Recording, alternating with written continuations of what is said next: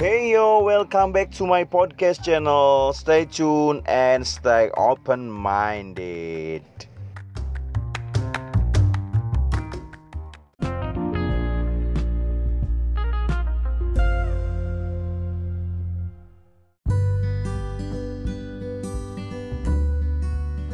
Bismillahirrahmanirrahim Assalamualaikum warahmatullahi wabarakatuh Alhamdulillah Allahumma salli ala Muhammad wa ala ali Muhammad Amma ba'd uh, Teman-teman sekalian saya pernah janji Kalau saya mau bahas tentang uh, Bahwa Islam ya Termasuk ideologi, pemikiran, pemahaman Serta implementasi dari ideologi itu adalah Mimpi dari orang-orang sosialis dan komunis.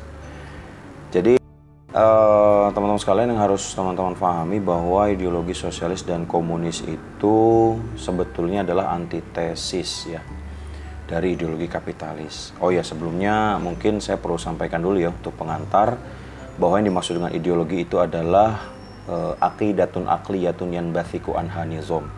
Jadi akidah akliyah ya, pondasi berpikir yang paling dasar yang bersifat akliyah, yang bersifat uh, apa pemikiran ya yang bersifat pemikiran yang dapat dibuktikan secara nyata rasional lah ya seperti itu. Yang kemudian pondasi berpikir ini melahirkan peraturan-peraturan.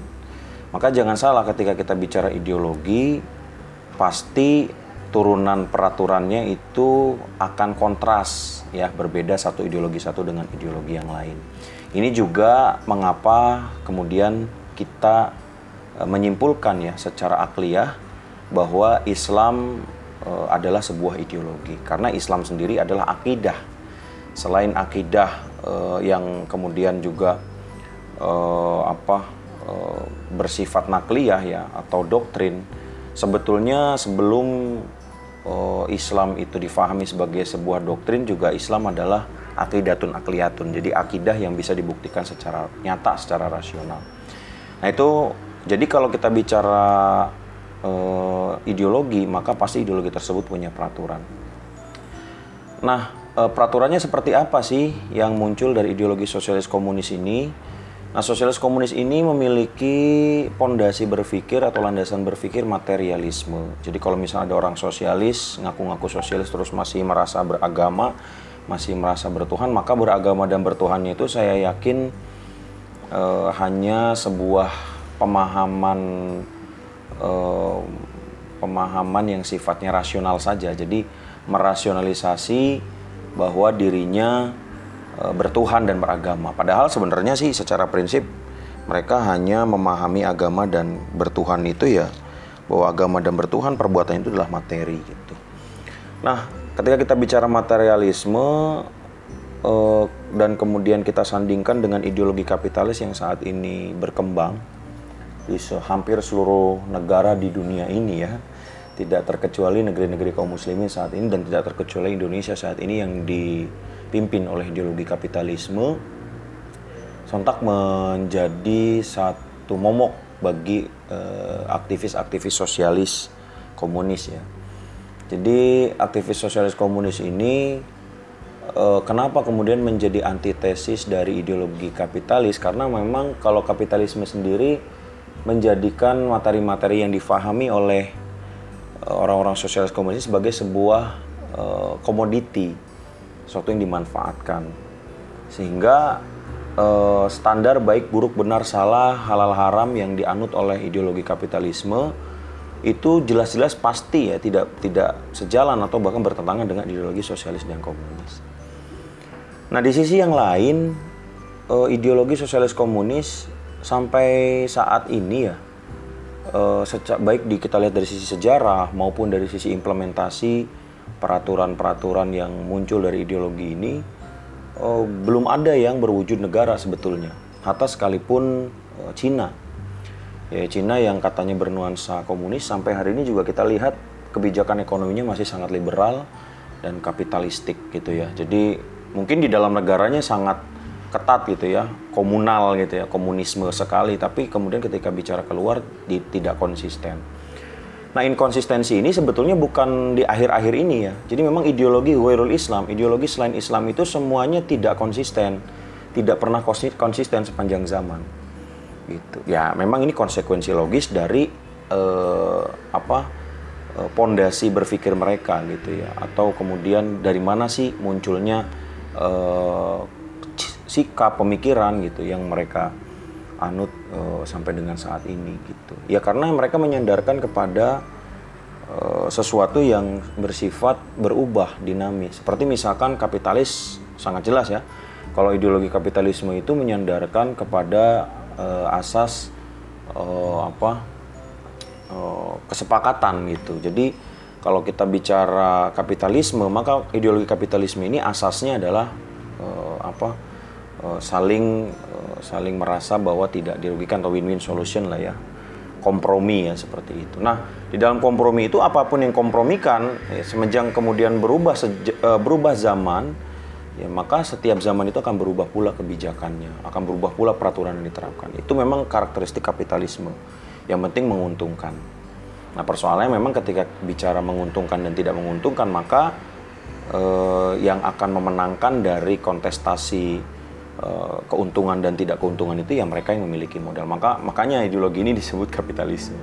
Nah ini orang-orang orang-orang komunis sosialis nggak setuju dengan pendapat itu. Orang-orang komunis menganggap bahwa uh, kapit uh, orang-orang komunis dan sosialis itu menganggap bahwa akhirnya uh, apa yang diputuskan orang-orang kapitalis ini tidak sejalan dengan asas mereka yang materialisme. Jadi kalau kita bicara asas mereka yang materialisme maka mereka menganggap bahwa pola kehidupan itu harus berjalan sebagaimana materi berjalan gitu.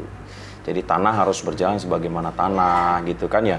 Manusia berjalan sebagaimana manusia, tapi manusia dalam hal ini dipandang uh, oleh mereka sebagai materi. Nah, uh, sampai hari ini orang-orang komunis, orang-orang sosialis tidak mampu mewujudkan ideologi mereka di dalam uh, peraturan di dalam kehidupan mereka tidak ada. Ya, bahkan nyaris hari ini di negara-negara yang menganggap diri mereka komunis, sosialis, misalkan Rusia gitu kan. Si Vladimir Putin dengan kebijakannya justru malah menjadi manusia yang bertangan besi. Menjadi Tuhan di negaranya sendiri gitu kan. Bahkan nggak boleh ada yang kontra dengan dia gitu. Jadi kalau kemudian katanya negara komunis itu negara yang berdasarkan komunitas, komunal gitu ya ini tidak tepat juga karena pada akhirnya akan muncul satu orang sebagai penentu kebijakan. Nah itu sebetulnya sih kalau kita lihat dari uh, apa? Kita lihat dari fitrahnya manusia memang seperti itu. Di dalam diri manusia itu ada namanya uh, apa? Uh, ada yang namanya gorizah dan ada yang namanya hajat. Ini konsep Islam ya supaya mungkin kita memahami dari prinsip-prinsip. Jadi gorizah atau naluri itu sesuatu yang memang ada dalam diri manusia dan manusia itu berupaya untuk memenuhi itu. Dan salah satu gorizanya itu goriza itu tadayun. Uh, apa? Uh, naluri untuk menghamba atau mengabdi kepada sesuatu gitu. itu naluri ya saja. Nah persoalannya akhirnya orang-orang sosialis komunis ini nggak punya konsep mau mengabdi sama siapa. Orang mereka nggak nggak nggak mempercayai Tuhan kok. Gitu. Nah akhirnya mereka memilih untuk mengabdi kepada pembuat ideologinya Makanya mereka sangat menuhankan sekali yang namanya Karl Marx, Lenin, Stalin gitu ya. Atau kemudian di akhir-akhir e, ke sini gitu orang-orang sosialis-sosialis di Indonesia misalkan seperti e, penulis buku Madilog gitu ya. Anda mungkin tahu lah ya. Terus juga mencintai pemikirannya Soekarno misalkan dengan nasakomnya gitu.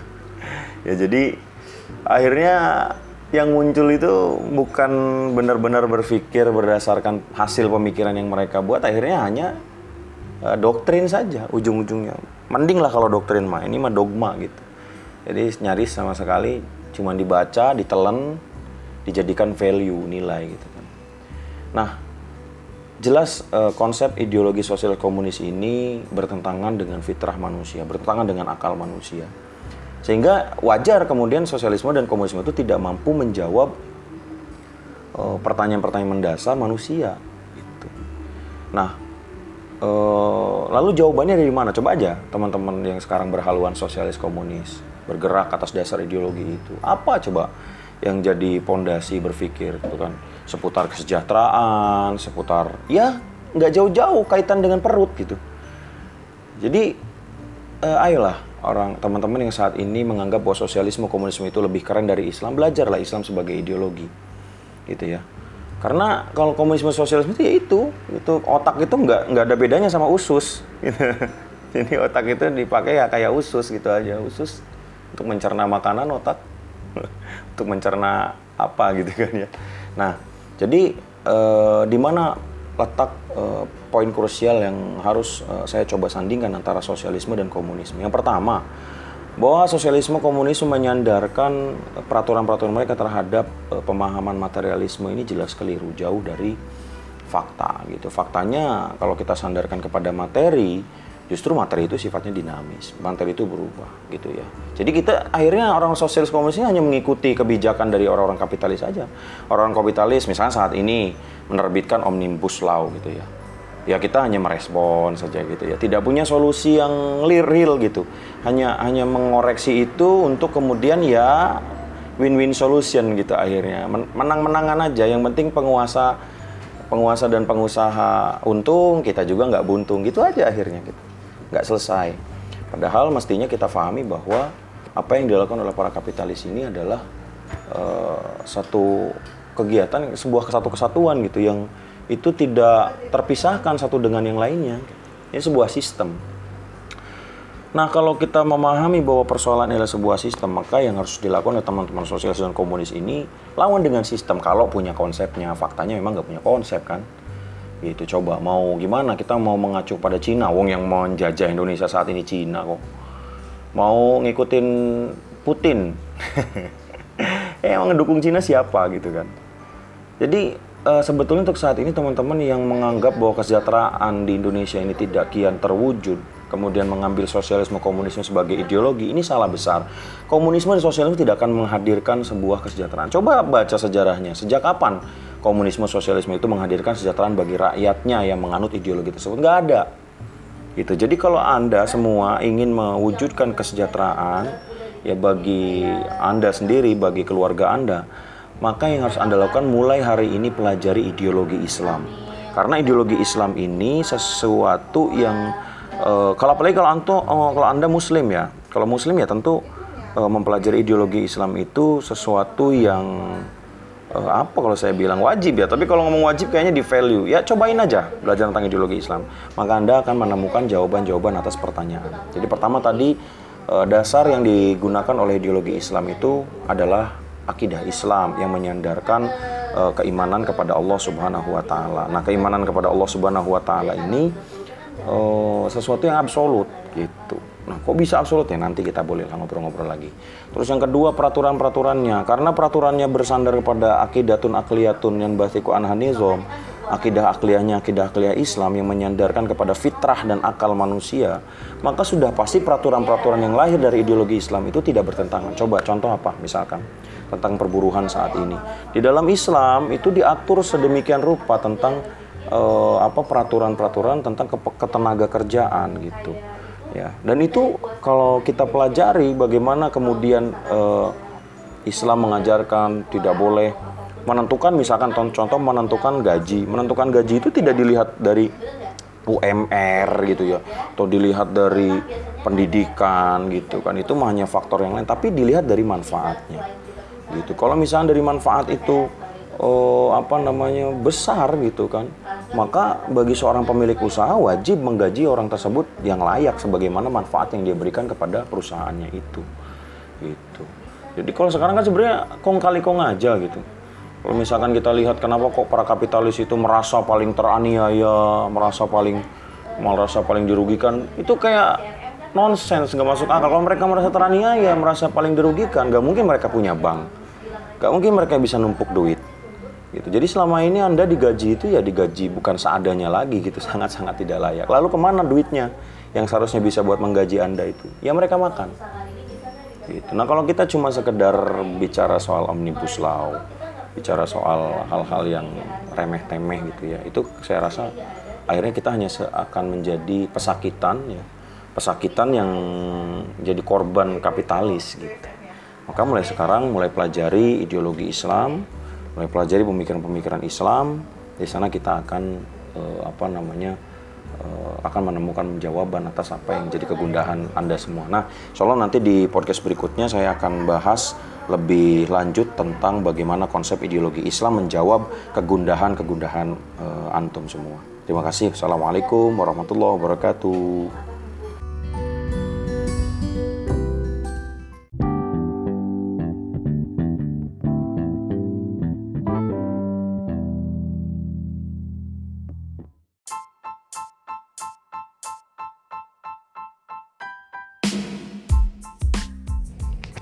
Assalamualaikum warahmatullahi wabarakatuh. Alhamdulillah Allahumma sholli ala Muhammad wa ala ali Muhammad. Gimana kawan-kawan semuanya? Masih sehat di masa pandemi ini ya? Mudah-mudahan Allah menjaga kita semua dari wabah yang belum berakhir juga. Uh, Sesuai janji saya Di episode yang pertama Walaupun nampak lama sekali saya bikin podcast baru ini ya. Jadi sekitar dua bulan yang lalu di 6 Oktober saya bikin podcast tentang Islam versus sosialisme Yang membahas tentang eh, mimpi-mimpi saudara-saudara dari sosialis dan komunis ya. Tentang kesejahteraan dan sebagainya itu semua ada di ideologi Islam. Nah saya ingin sekarang membahas tentang ideologi Islam itu sendiri. Supaya paling enggak teman-teman yang sekarang berhaluan sosialis komunis atau yang masih bingung mau ngambil ideologi mana nih dalam kehidupan kita sehari-hari karena e, mau nggak mau ya mau nggak mau e, manusia hidup itu pasti berideologi gitu. Oh saya mau nggak ideologi saya mah yang penting bermanfaat. Loh ya itu yang berpenting yang penting bermanfaat itu ya ideologi kapitalis gitu kan. E, benar buruk baik salah eh e, benar salah baik buruk itu disandarkan kepada sesuatu yang ada nilai manfaatnya aja. Kalau nggak ada nilai manfaatnya jadi ya menurut kalian itu salah gitu ya. Nah uh, oke okay, teman-teman sekalian kawan-kawan sekalian yang masih mendengarkan uh, ini mendengarkannya bisa pagi siang sore malam ya. Uh, tentang ideologi Islam. Sebelumnya saya sudah bahas bahwa ideologi itu adalah apa? Al mabda'u huwa uh, aqidatun aqliyatun yang basiku anha nizam jadi uh, mabda atau ideologi itu adalah faktanya adalah sebuah landasan berpikir yang melahirkan peraturan-peraturan atau sistem-sistem kehidupan. Nah kalau begitu kalau misalnya ada pemikiran yang kemudian dia lahir dari pemikiran tertentu maka tidak lagi disebut sebagai ideologi. Misalkan ada orang yang salah menyebut ideologi feminisme atau ideologi khilafah. Wah, itu jelas-jelas penyesatan uh, intelektual ya. Orang yang ngaku-ngaku intelek tapi intelek. itu cuma canda ya. Jangan dimasukin ke hati, jangan baper. Uh, tentang ideologi Islam. Jadi sebelumnya tentang sosialisme bahwa sosialisme itu uh, mabda yang secara prinsip akidahnya adalah materialisme Akidah itu berarti pondasi ya, baik itu pondasi dari sisi pemikiran maupun pondasi dari sisi uh, apa eh, prinsip-prinsip ketuhanan ya. Akhirnya kan mereka jadi tidak bertuhan gara-gara materialisme ini. Nah, mereka mentok uh, Tuhan itu nggak bisa dimaterialisasi gitu. Intinya itu sih poinnya. Nah, uh, mau sekalian, jadi yang pertama mungkin bagi kita asing Islam itu disebut sebagai ideologi itu asing lah ya selama ini kita tahu ya Islam itu ya sholat zakat puasa gitu kan. Terus naik haji jika mampu kan gitu. Seputar itu aja. Tapi ya lebih dari itu mungkin sebagiannya memahaminya langsung dari buah-buahnya langsung dari fikihnya gitu kan. Sehingga kadang akhirnya ada umat Islam itu yang menjadi uh, inferior gitu ya. Seperti itulah adanya saudara-saudara kita gitu karena ini memahami Islam ini langsung dari uh, buahnya gitu memahami Islam secara menyeluruh. Nah kita nggak bahas soal itu lah. Kita membahas tentang Islam sebagai ideologi. Nah jadi teman-teman sekalian Islam itu ideologi. Nah yang ini yang sering kemudian ditutup-tutupi oleh uh, intelektual-intelektual muslim. Muslim sih tapi menutupi ini semua gitu. ya atau mungkin dia juga nggak tahu mungkin ya. Jadi selama ini yang kita kenal itu ideologi cuma dua kapitalisme dan sosialis komunisme gitu ya padahal aslinya tiga jadi tiga ideologi besar Itu kemudian dikomparasi oleh Syekh Taqiyuddin An-Nabhani dalam kitab beliau Nizamul Islam di bab Kiadah Fikriyah Islamiyah. Jadi bagaimana kemudian beliau mengkomparasi antara tiga ideologi besar itu. Nah, ideologi Islam sebagaimana tadi saya sampaikan adalah sebuah akidah akliyah, landasan berpikir siapa pun yang menganutnya dan melahirkan peraturan-peraturan. Sebagai contoh misalkan eh, tanpa keimanan eh, seorang penguasa tidak mungkin menerapkan eh, hukum kisos. Kisos itu teman-teman perlu tahu mata bayar mata, telinga bayar telinga ya. Eh, cambukan bayar cambukan, nyawa bayar nyawa. Jadi kalau ada yang bunuh, maka hukuman yang paling layak buat dia adalah dibunuh lagi. Nah itu nggak mungkin mau menerapkan hukum itu tanpa menjadikan Islam sebagai mabdaknya, sebagai ideologinya, gitu. Kalau misalnya masih ada pertimbangan HAM, pertimbangan kesian nanti keluarganya begini begitu, ah itu ideologi kapitalisme banget lah, seperti itu. Jadi mengikuti syahwat syahwat. Padahal kalau gitu ya kasihan juga dong sama keluarganya yang dibunuh. Ayo, kalau yang dibunuh itu adalah bapak kamu, gimana? Ibu kamu, adik kamu, eh, emang ridho? Pasti enggak jadi uh, Islam itu adalah sebuah ideologi yang melahirkan peraturan-peraturan. Bahkan kemudian di dalam takrifnya, di dalam pengertiannya secara syar'i, uh, ketika kemudian kita ingin memaknai Islam, mahwal Islam, apa itu Islam? Al-Islam huwa dinul ladzi anzalahullahu ala sayyidina Muhammadin sallallahu alaihi wasallam litanzimi ala qatil insan bi khalqihi wa bi nafsihi uh, wa, wa bi ghairi min banil insan. Jadi Islam itu secara syar'i difahami sebagai sebuah ad-din. Nah, ad-din ini sering kali kita kita kita pahami sebagai agama padahal e, lebih tepatnya bukan agama ya. Lebih tepatnya adalah sistem kehidupan. Jadi ad-din itu bukan agama. Kenapa dalam KBBI agama itu e, disebut sebagai ajaran yang lahir dari sebuah kebudayaan sementara Islam tidak.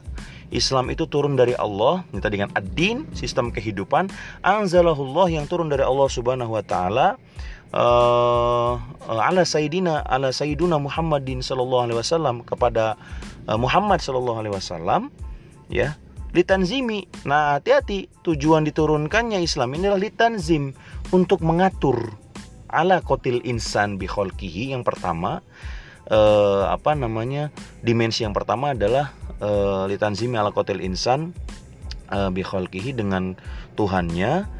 Yang kedua wabi nafsihi dengan dirinya sendiri itu dimensi yang kedua. Dimensi yang ketiga uh, khairihi dan dengan selainnya mimbanil insan dari golongan manusia. Jadi kompleks Islam itu aturannya. Dimulai dari apa namanya aturan uh, tentang uh, ibadah ya tadi ya hubung hubungan dengan Tuhannya. Uh, kemudian bagaimana berpakaian bagaimana mana yang boleh dimakan dan tidak boleh dimakan bagaimana bersikap. Itu litanzimi lakotil insan bi uh, nafsihi dengan dirinya sendiri dan juga bi ghairihi. Itu justru kemudian ajaran Islam yang paling banyak. Bahkan menurut para ulama 80% ajaran Islam itu mengatur urusan manusia dengan manusia lain. So, dari sini jelas bahwa Islam Islam itu bukan bukan agama saja gitu yang dipahami sebagaimana agama pada umumnya yang hanya mengatur uh, ala kotil insan bi saja urusan ibadah saja tidak kalau buat orang-orang Nasoro, Nasrani, ya agama ya cuma urusan itu aja. Ideologinya bingung juga dia. Bahkan saya punya satu pernah diskusi dengan salah seorang Nasrani Tulen Katolik seorang Katolik. Dia mengatakan dirinya bahwa saya berideologi sosialis itu. Tapi kamu masih beragama mas? Lo iya aku masih beragama aku masih ke gereja. Lucu gitu kan. Ya itulah kekacauan kekacauan berpikir ya. Balik lagi eh, kawan-kawan sekalian mati Allah Subhanahu wa taala. Jadi Islam itu mengatur seluruh aspek kehidupan. Dari sini maka kita pahami bahwa Islam itu bukan sekedar agama, gitu. Islam itu mengatur seluruh aspek kehidupan dimulai dari yang paling kecil sampai yang paling besar sehingga Islam layak disebut sebagai ideologi atau ideologi. Ya, itu poinnya. Jadi yang pertama itu. Terus yang kedua, uh, peraturannya peraturannya itu tiga dimensi dimensi yang pertama tadi uh, bikhalkihi yang kedua binafsihi yang ketiga bighairi mimbanil insan Jadi uh, dari tiga dimensi ini ya bahkan kemudian 80 persennya adalah bagaimana Islam mengatur hubungan sesama mereka dan kemudian sesama manusia dan sebagainya.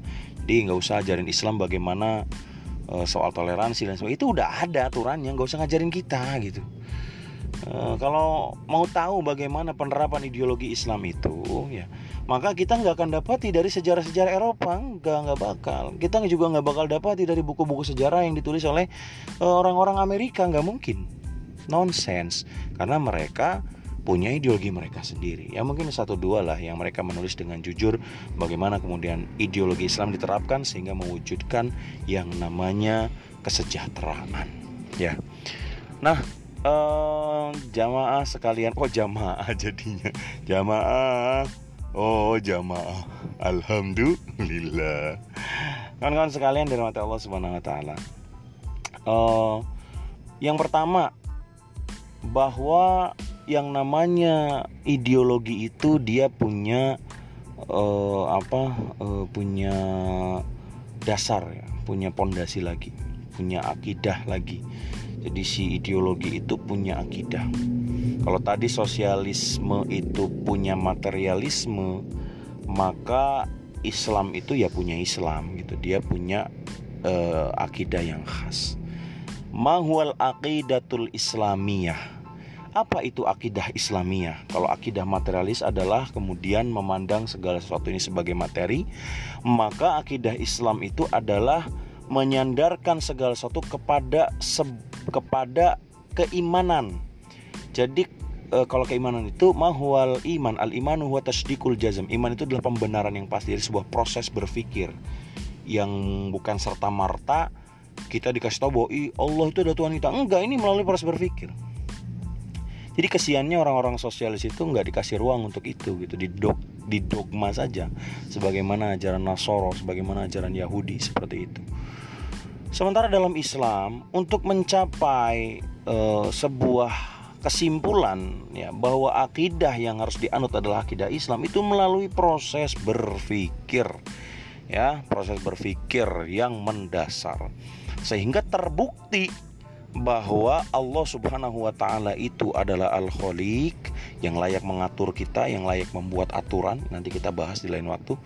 Lalu yang kedua betul bahwa Muhammad Shallallahu Alaihi Wasallam itu adalah nabi sehingga apa yang dibawa oleh beliau ini adalah kalamullah ya, ya seperti itu jadi e, melalui proses berpikir jadi bukan kaleng-kaleng ideologi Islam ini ya maka memang wajar kalau misalkan ada orang-orang yang membenci Islam atau kemudian ada orang Islam yang dia malah membenci ajaran Islam uh, saya pastikan orang ini males mikir ya.